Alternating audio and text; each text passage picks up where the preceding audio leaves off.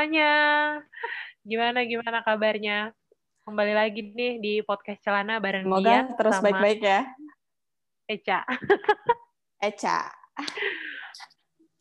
Bener-bener Kita ya. eh, sebelumnya di episode sebelumnya kita kan lagi ngebahas tentang bagaimana perjalanan Dian dari Jakarta menuju Mamuju gitu ya kan Majene dan Mamuju itu eh, untuk meliput korban bencana gempa bumi ya Bul di sana. Eh, prosesnya panjang banget ya kan juga sebelum berangkat ke Majene dan Mamuju lu juga sempat meliput korban SJ182 khususnya keluarga korban ya eh, di bandara dan di rumah sakit Polri pada saat itu. Iya. Uh-uh. Sebelum Kayak sebelum Polri. ke sana nih Bul, gue juga sempat pengen cerita nih. Jadi eh, apa namanya? Ah, ah, ah. karena berhubung eh, Tian itu juga awak media gitu ya kan, gue sempat akhirnya Ya. me- apa ya merasakan dalam tanda kutip gitu ya dampak kayak gitu. Atmosfer. Oh, Dampak dampak. Oke. iya betul dampaknya sih betul karena kayak yang di kalau lo kan kemarin nggak dapet ya liputan yang di Tanjung Priuk ya. Nah, kalau Tian tuh dapet liputan di Tanjung Priuk dan sedangkan kan setiap hari tuh gue sama dia tuh kan apa ya ke kantor Barengan. perginya pulang bareng gitu kan. Iya, bareng terus. Nah, karena Berangkat kondisi bareng, Tanjung. Mm-mm, betul. Kondisi Tanjung Priok itu kan jauh banget ya kan. Jadi gue merasa sangat tidak nyaman dong kalau misalnya karena pulang pergi bareng itu akhirnya ber- ya cukup berdampaknya di situ sih. Tapi so far oh, Iya, iya. lebih apa ya? Ya jadi gue menganggap kayak lu lagi pergi ini dinas luar kota gitu. Ah, iya, iya. Ya, lu ini nggak penting sih.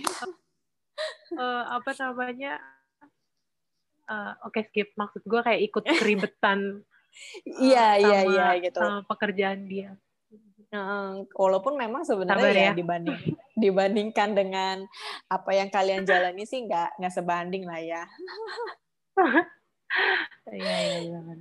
Oke, jadi lanjut ya Bu. Semangat. Tadi Oke. tadi kan lu cerita bahwa eh, mau ternyata mau diutus sama kantor pergi ke Kalimantan Selatan gitu kan. Iya, benar.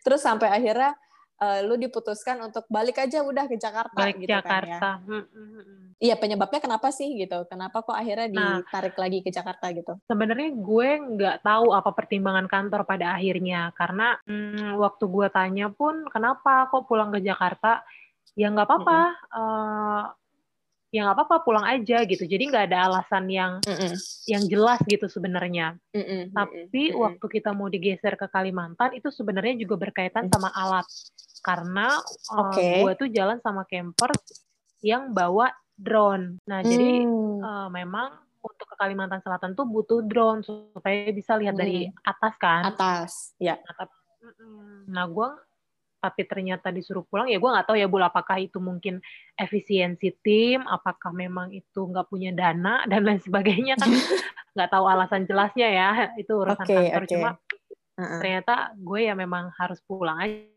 dengan segala perasaan gue yang merasa masih berat hati itu loh. Karena kayak Hmm, hmm, hmm. ya ampun baru nyampe. Karena awalnya itu udah eh, memperkirakan akan dua minggu minimal di sana. Karena biasanya kalau bencana itu kita stay dua minggu bul. Hmm, biasanya Dan lu juga ya bawa barang-barang juga untuk ready dua minggu gitu Betul, atau untuk gimana? Oh gitu. prepare dua minggu. Iya gue sampai bawa koper cuy. Gue mana pernah DLK seribet tanda kutip itu gitu gue nggak nggak mau Hmm, sampai hmm, bawa hmm. koper biasanya cuma bawa ransel aja cuma karena Hmm. orang-orang yang udah pengalaman lebih dulu liputan bencana bilang udah prepare untuk dua minggu karena itu minimal Hmm. pasti lu akan dua minggu nah waktu itu kan mikirnya cuma gue doang yang dikirim satu tim kemungkinan akan baru di setelah dua Hmm. minggu tapi ternyata kan Hmm. dua tim langsung berangkat jadi sebenarnya dari awal Hmm. memang udah gendut sih timnya bul Hmm, Tapi ya bersyukur lah ya semuanya tuh pasti ada maksud dan rencana Tuhan. ya setelah udah berlalu baru oh setelah ditarik ke belakang pantas lah ya gue yang harus pulang karena jujur gue bertanya loh kenapa harus gue yang dipulangin duluan gitu loh maksudnya Hmm, hmm. Tapi lu berlima pulang atau lu cuma berdua doang? Cuma berdua, cuma Yang berdua. Jadi tim yang satu Oh, tinggal. Oke. Nah, Oke, itu oke. kan, Oh, eh, gitu. Juga makin membuat jiwa kompetitif eh, agak terpres gitu kan ya. Kayak kenapa, why, apakah gue dianggap kurang produktif atau gimana? Pikiran-pikiran kayak gitu tuh pasti ada, Bul. Kalau kalau kita ya. Karena sekali lagi, kadang-kadang liputan peristiwa tuh jadi kebanggaan tersendiri sih biasanya kalau buat wartawan ya. Hmm. Terus sampai akhirnya Nah, terus gue lanjut ya. Iya lanjut lanjut sampai akhirnya sampai akhirnya terus apa yang terjadi saat ini tuh gimana ceritanya? Terus setelah gue pulang, gue kan eh, setelah lima hari liputan di Mamuju, gue dikasih libur lima hari tuh, Bul. Hmm. Dikasih libur lima hari. Nah, gue pulanglah ke rumah. Kan gue di Jakarta. Tapi setelah Mm-mm. pulang dari Mamuju, ternyata dua hari dari sejak gue pulang, jadi gue tuh nyampe Jakarta tanggal 20 Januari. 20 Januari, pas gue di rumah tanggal 22 Januari, itu gue gak enak badan, Bul.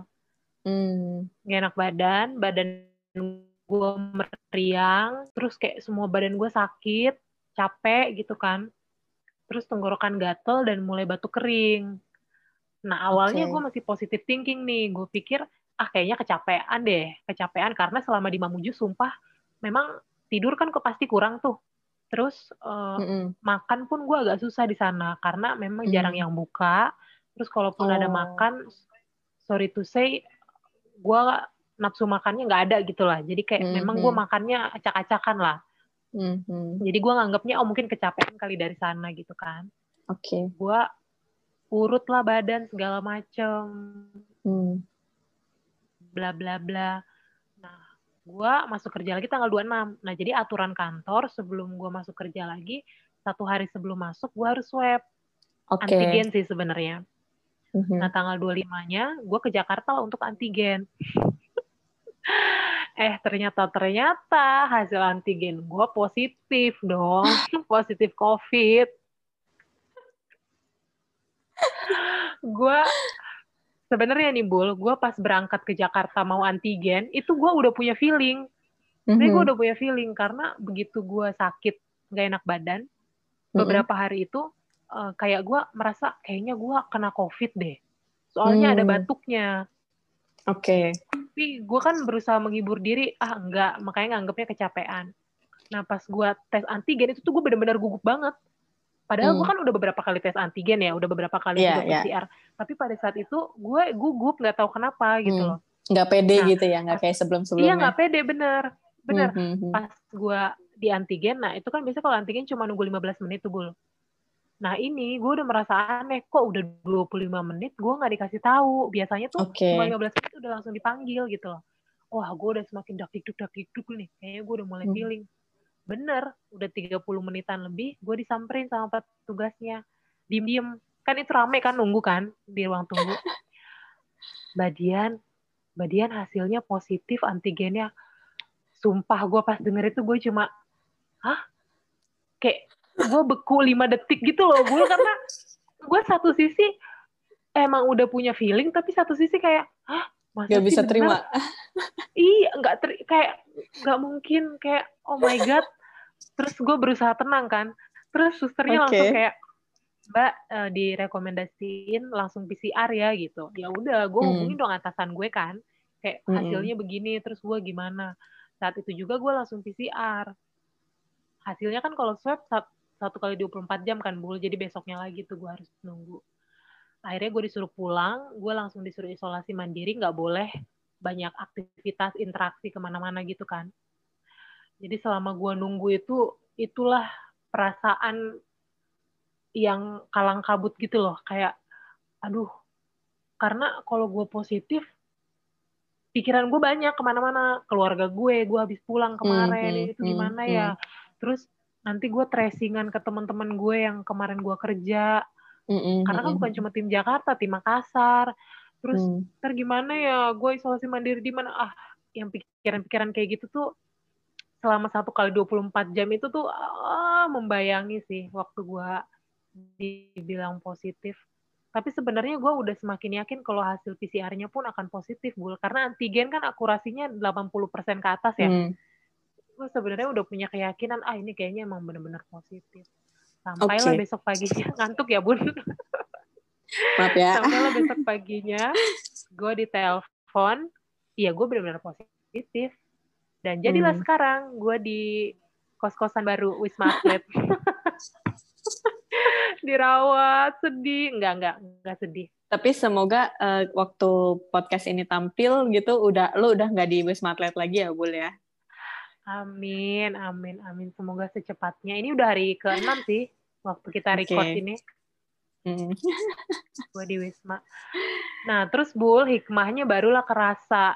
Untung Oke, kenapa gue pada disuruh akhirnya balik ke Jakarta. duluan? Iya. Hmm, pulang ke Jakarta. Karena bayangin kalau gue tetap di Mamuju, karena tim yang kedua itu mereka sampai 9 hari di Mamuju. Kan gue cuma Hmm. lima hari, mereka 9 hari. Hmm. Kalau Hmm. gue ikut sampai 9 hari, nah kalau kita mau naik pesawat itu kan kita antigen kan? Iya. Kalau seandainya gue ketahuan positif pas gue antigen mau balik ke Jakarta, mampus lah gue, gue nggak akan bisa balik ke Jakarta dan gue justru harus Betul. isolasi di Mamuju. Isolasi di sana, itu ya. akan bikin gue nambah sedih sih. Betul, kayak- betul. Ah, baru ketahuan hikmahnya emang ya kita tuh nggak tahu apa-apa, Tuhan yang lebih tahu lah pokoknya. Gitu deh. Ternyata bukan lo yang nggak produktif atau lu harus mereji, merelakan jiwa kompetitif lo gitu ya. iya. Tapi memang ada ya disuruh istirahat dulu kali ya. Iya, betul betul. lewat penyakit ini. Tapi sebenarnya gue agak sedih sih kalau orang bilang disuruh istirahat dulu. Kayak like, man, please. Apakah harus seperti itu? maaf, maaf. Secara lu anaknya nggak bisa banget istirahat ya kan? Aduh, itu kayak positivity toxic aja sih. Kayak, udah lu disuruh istirahat, man, please. Iya. gitu deh, Tapi Bul. terus gimana selama enam hari menjalani di kos-kosan Oh. baru? eh, jangan apakah rasanya Iya. bagaimana Bul? Kayak, kayak kayak cantik aja di sana, tetap cantik.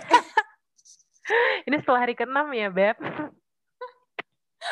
Aduh, namanya pengalaman baru. Kayak gue baru, ya nggak nggak pernah mimpi sih benar-benar bisa Hmm. ke tempat ini. Terus Benar. dan gue kan sebenarnya bergejala kan ternyata masuknya mm-mm. kualifikasinya.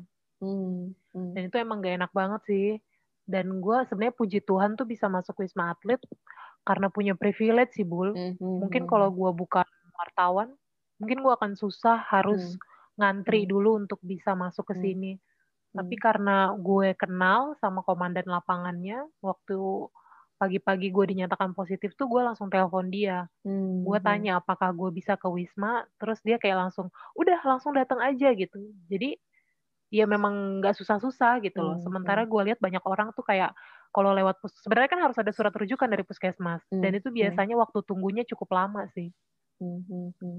Nah, begitu gue sampai di Wisma Atlet, eh, perjuangan ya bun, karena susah makan, bener-bener mual muntah, itu gue alamin, entah karena obat, entah karena gue suges atau psikologi gue Hmm, eh, hmm. kena atau gimana gue nggak tahu. Cuma satu sampai tiga hari itu gue bener-bener struggle banget karena gue mual muntah, nggak bisa makan, susah minum obat, bahkan penciuman gue hilang tuh pas gue udah di wisma, gue ngerasanya. Hmm. Karena waktu gue masih di rumah tuh penciuman sama pengecapan gue masih aman-aman aja.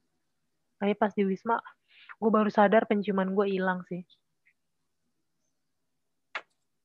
Nanti pada Jadi akhirnya lo kayak- lo akan tahu betapa indahnya mencium Wisma Atlet ya. iya, iya benar.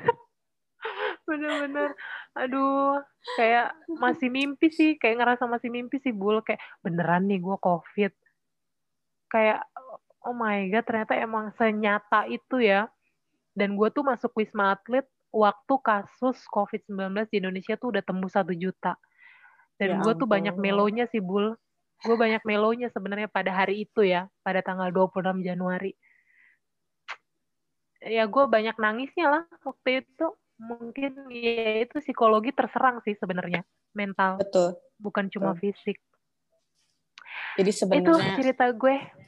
yang diserang tuh nggak cuma fisik doang tapi mental juga ya. Betul, Benar sih. betul, betul, betul. kayak lu nggak pernah mewek tapi tiba-tiba ada hal kecil aja lu mewek ya yang terjadi itu deh jadi doakan semoga hasilnya nanti negatif pas gue swab hari ke-9 Amin. Mari doakan teman-teman. Kita bisa podcast langsung ketemu, Bu. Podcast Jangan virtual gini sedih. Udah mah internetnya jelek-jelek ya kan? Iya. Sedih gak sih lo? Gue Itu mesti gue ke rumah kakak gue lu gimana? Apanya nih? Yang gimana? Ada bulan bulan ini ada yang jadi catatan nggak atau kayak oh anjir nih pembukaan tahun baru ada nggak? Uh, kalau atau masih aman-aman aja, masih happy happy. So far so good sih masih masih apa ya pekerjaan juga ya alhamdulillah ya sudah sangat padat merayap. kayak gue tuh bener-bener sudah banyak tekanan ya.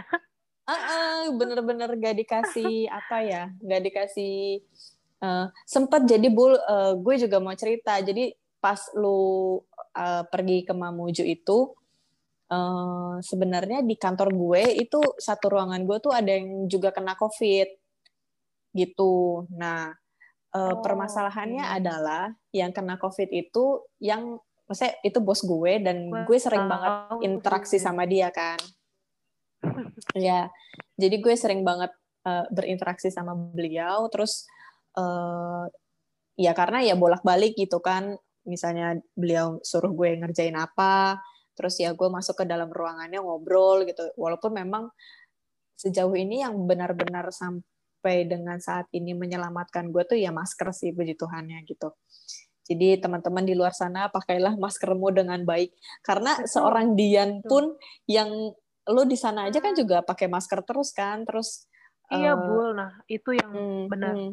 benar. Uh, kalau misalnya gue tuh di, agak gak terima.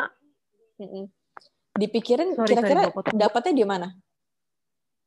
Nah itu dia. Kemungkinan besar sih di Mamuju. Karena tuh kan gue lima hari di sana lima hari libur kan. Dan baru kerasa gejala tuh setelah gue ibaratnya tujuh hari lah. Nah masa inkubasi virus tuh kurang lebih segitu kan bul? Nah yang bikin gue nggak terima adalah bah di sana itu kita nggak lepas masker sama sekali kecuali makan dan mandi. Karena pas tidur pun gue pakai masker. Mm. karena kan kita tidurnya berlima tuh jadi gue mm. bener-bener menjaga gitu loh bul. Dan asupan vitamin tuh walaupun makan gue kurang tapi vitamin tetap diupayakan supaya jaga uh, fit tubuh kan yeah. tapi tetap mm. kena ya ya udahlah mungkin memang imunnya lagi turun atau memang guanya lagi teledor atau gimana? Iya, kita nggak ada yang tahu sih. Benar, karena waktu gue yang kena di tahun 2020 itu, walaupun memang bukan COVID gitu kan, uh, satu hal yang gue apa ya pelajari pada saat itu adalah kondisi gue tuh lagi nggak fit, ya kan?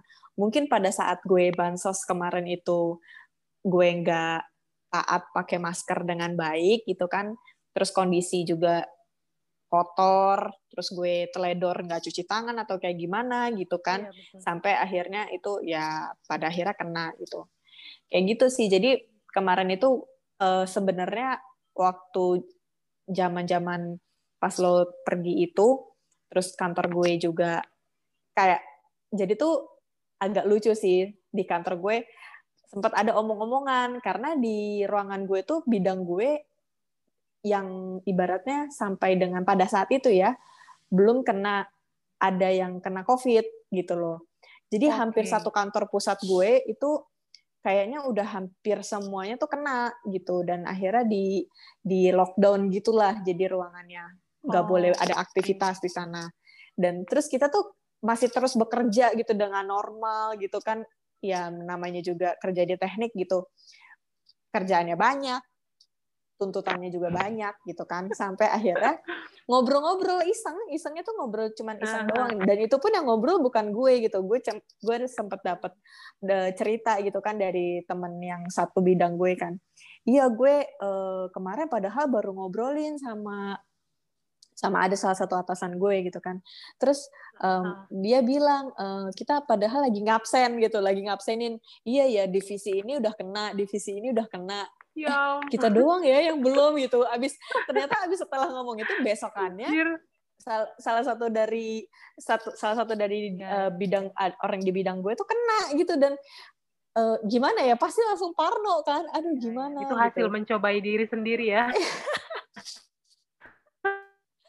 kayak gitu sih sampai akhirnya ya udahlah uh, uh, apa namanya jadi yang yang pada saat itu pada saat itu gue langsung uh, karena juga bingung kan mau gimana gue langsung beli alat swab antigen gitu uh, di di online terus ya salah satu privilege juga gue oh, gitu. karena uh -uh, karena abang gue uh, dokter kan jadi dia nggak swab gue langsung di rumah gitu dan langsung keluar hasilnya. Puji Tuhan negatif. Uh, nanti kalau pada saat itu kan gue tes sekitar sekitar tanggal 21 Januari jadi nanti di eh, 20 atau 21 Januari gitu gue lupa. Jadi nanti di tanggal 4 Februari gue akan tes swab lagi sih buat ngecek bahwa gue benar-benar negatif gitu. Okay. kayak gitu sih Um, Oke, semoga aman ya, ya Iya, semoga semoga lo juga segera sehat ya. Teman-teman juga di luar sana semoga segera yang sakit segera disembuhkan, yang sehat-sehat terus dinyatakan terus sehat-sehat gitu. Memang kondisi dan seperti benar, ini paling penting tuh menjaga pikiran positif dan perasaan bahagia sih.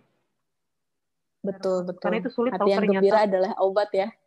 Betul, betul, betul banget. Apalagi posisi pada saat ini kan karena kalau bicara COVID ya kita panjang gitu ngomongin tracingannya gimana. Ya, Ternyata ya. gue jadi sumber penularan kan kayaknya aduh betul. yang di ya. yang kayak tadi kita bilang kan yang diserang gak cuma fisik tapi juga psikis gitu. Mental, benar. benar.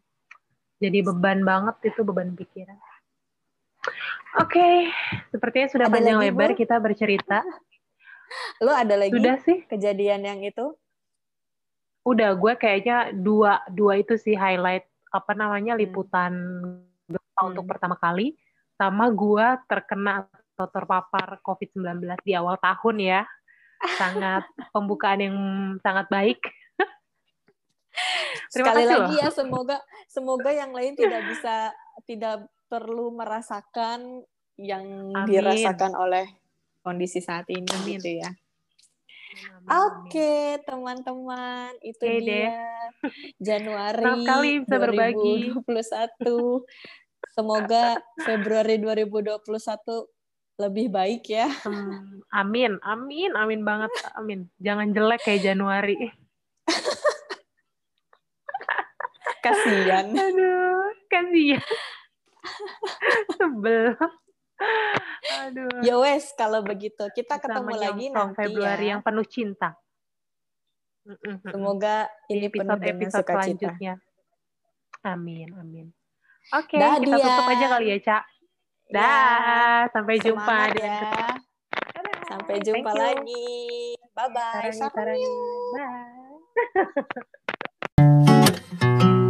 Bye.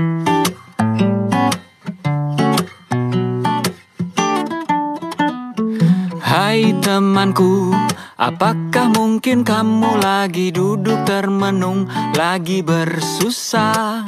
Hei kawanku, apa sih yang ada di hatimu yang dalam? Ayo cerita. Kami di sini selalu berharap hanya kabar baik oke. Beraksi kembali. Kita bercanda lagi bersama-sama. Cepat sembuh. Yes we miss you. Tanpa kamu jadi kurang seru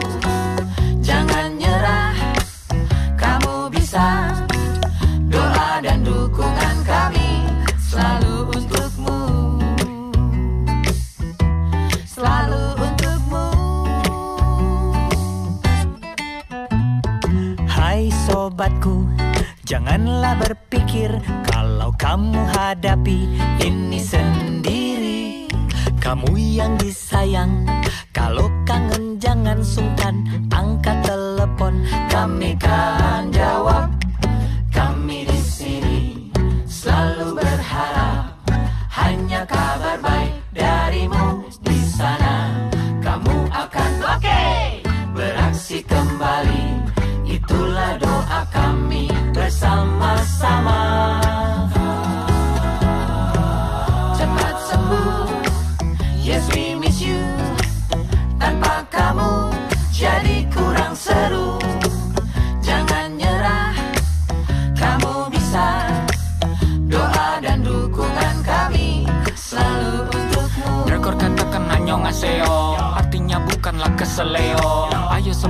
dan jangan loyo. Hati gembira itu obatnya Dokter dan suster Kamsa sahamida, Makasih ya karena juga sudah. Berjuang hingga virus gak ada. Pulang rumah sakit dada-dada. Cepat sembuh. Yes we miss you. Tanpa kamu jadi kurang seru. Jangan nyerah. Kamu bisa. Doa dan dukungan kami. 散步。